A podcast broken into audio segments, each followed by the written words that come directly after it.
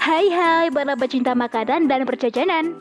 Dewi Fitriana akan mengulas jajanan dan makanan lagi nih untuk sobat narasipo semua. Siapa tahu jadi salah satu daftar jajanan dan makanan yang akan sobat cicipin. Yuk check it out.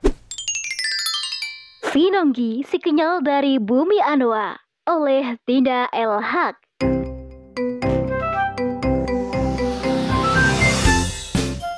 Hai foodies, Indonesia dikenal dengan surga kulinernya yang tersaji dari bagian timur hingga ke barat. Tiap-tiap daerah terkenal dengan kuliner khasnya masing-masing dan dijamin bisa membuat perut meronta jika tidak mencicipinya. Salah satunya adalah kuliner khas masyarakat Kendari, Sulawesi Tenggara. Selain terkenal dengan keragaman hayatinya, Sultra juga dikenal dengan kuliner khas yang lezat dan menggugah selera.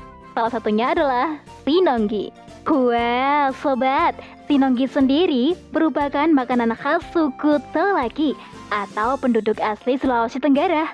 Bagi suku Tolaki, Sinonggi tak ubahnya seperti makanan pokok sebagai pengganti nasi loh. Karena itu, jika kalian berkunjung ke kota Kendari, belum lengkap deh rasanya kalau belum mencicipi kuliner khas bumi Anoa ini. Jadi, sinonggi ini terbuat dari sari pati sagu. Untuk memperoleh sagu, maka harus mengolah pohon sagu atau rumbia terlebih dahulu sob. Caranya adalah dengan memotong pohon sagu menjadi beberapa bagian. Kemudian potongan-potongan tersebut dibelah dan dikeruk isi pohonnya. Kemudian isi pohon hasil kerukan tersebut dipotong kecil-kecil dan dimasukkan ke dalam karung. Lalu diinjak-injak sembari disiram dengan air bersih. Ini nih adalah proses penyaringan untuk mendapatkan sari pati sagu ya. Nah, nantinya potongan yang disaring tersebut akan mengeluarkan sari-sari sagu berwarna putih susu. Kemudian, sari-sari tersebut dialirkan ke wadah tertentu sob. Setelah itu, diendapkan berhari-hari hingga sagu menjadi padat dan terpisah dengan airnya. Nah, proses mengolah pohon sagu pun selesai.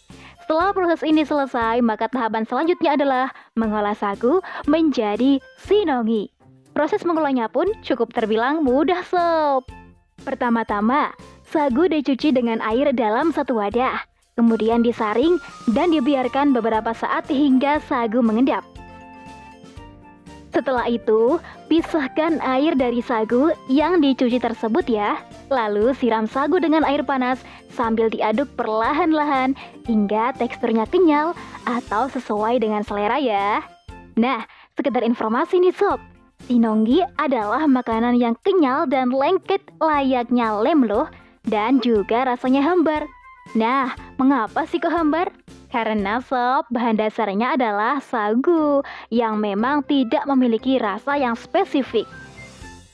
Waduh, lantas kalau hambar, di mana ya lezatnya? Nah, tenang aja sob, sinonggi sih memang tidak bisa dikonsumsi sendiri tanpa makanan pendamping ya. Cita rasanya justru ada di sajian pendampingnya, yaitu sayur bening, ikan palu marah, dan sambal tentunya. Wah, sajian tersebut harus dimakan bersamaan ya untuk mendapatkan cita rasa yang lezat sob. Dan sayur beningnya bisa berupa campuran bayam, terong kecil, kacang panjang, dan lain-lain. Sementara ikan palu marahnya dimasak dengan bumbu lengkap mulai dari bawang merah, bawang putih, kunyit, asam, atau bisa juga dimasak bening tanpa banyak bumbu. Sekali lagi, ini tergantung selera ya. Nah, satu yang tidak boleh terlupa adalah sambal. Sebab makan sinonggi tanpa sambal itu ibarat makan sayur tanpa garam alias hambar. Apalagi lidahku yang Jawa ini memang tidak bisa terlalu suka dengan rasa yang hambar sob. Nah, bagi kamu yang belum pernah mencicipi sinonggi, dijamin deh akan kebingungan bagaimana cara menyantapnya. Ya, sama sepertiku saat pertama kali berkenalan dengan Sinonggi. Saat aku masih duduk di bangku SMP, kami sekeluarga bertandang ke rumah salah satu seorang kenalan bapak yang tinggal di dekat laut dan memang asli Tolaki sob. Saat kami disuguhi Sinonggi, aku penasaran sekaligus bingung cara memakannya. Alhasil, untuk mengobati rasa penasaranku, Maka aku ambillah sinonggi pakai sendok dan kumasukkan ke dalam mulut. Hasilnya, Masya Allah, aku nggak bisa menelan sob. Tetapi itu dahulu ya saat awal perkenalanku dengan sinonggi. Sekarang sih lidah Jawaku sudah bisa menyesuaikan diri dengan makanan Sulawesi Tenggara. Bahkan sinonggi juga menjadi salah satu makanan kesukaanku loh. Wah, begitulah sob. Tidak hanya diri kita yang butuh penyesuaian dengan lingkungan baru. Lidah pun butuh penyesuaian terhadap rasa yang tidak biasa ya. Nah, bagi kalian yang penasaran dengan bagaimana cara penyajiannya, berikut ini aku kasih tahu ya. Pertama-tama siapkan piring kemudian masukkan ikan beserta kuahnya. Setelah itu masukkan sayur yang biasanya tanpa menggunakan kuah. Masukkan sambal dan yang terakhir ambil sinonggi dengan menggunakan sumpit atau sejenisnya untuk menggulung sinonggi. Akhirnya, seporsi sinonggi bisa langsung dinikmati. Boleh juga menggunakan sendok atau langsung pakai tangan. Rasanya jangan ditanya sob, pasti ingin nambah sepiring lagi. Wah, selain lezat dan menggugah selera nih, sinonggi juga termasuk kuliner yang sehat dan menyegarkan loh. Selain itu, sinonggi bisa juga dijadikan sebagai pengganti nasi.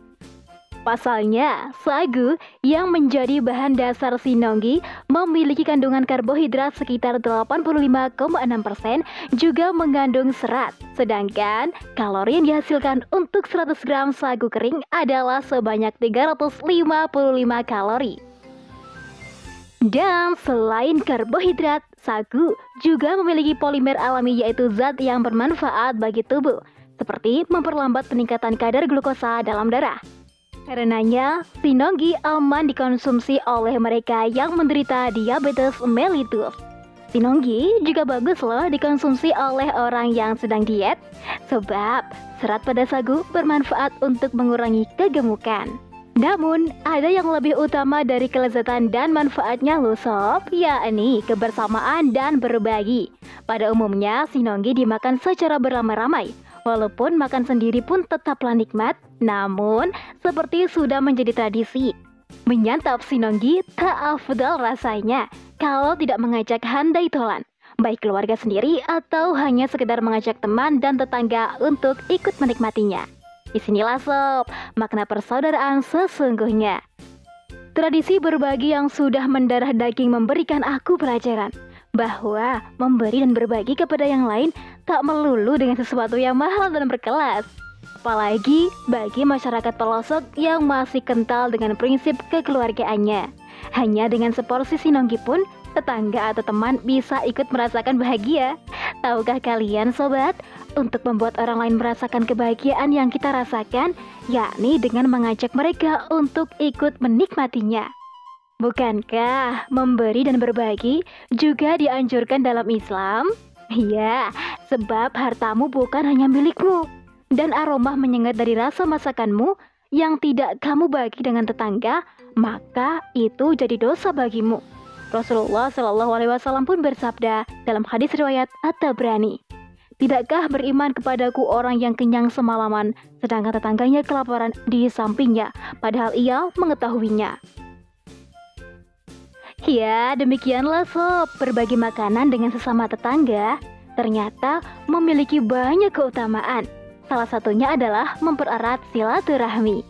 Tak hanya itu sob, berbagi makanan dengan tetangga atau sesama juga akan mendapatkan pahala di sisi Allah Subhanahu wa taala dan masuk ke dalam golongan umat yang mulia. Bahkan Rasulullah Muhammad Shallallahu Alaihi Wasallam yang mulia menyebut orang yang suka berbagi makanan terhadap sesama maka akan disiapkan tempat khusus di surga kelak. Wow, masya Allah. So, apa pun kuliner khas daerahmu sejatinya bisa menjadi jembatan untuk berbagi dan menyambung silaturahmi. Wallahu alam.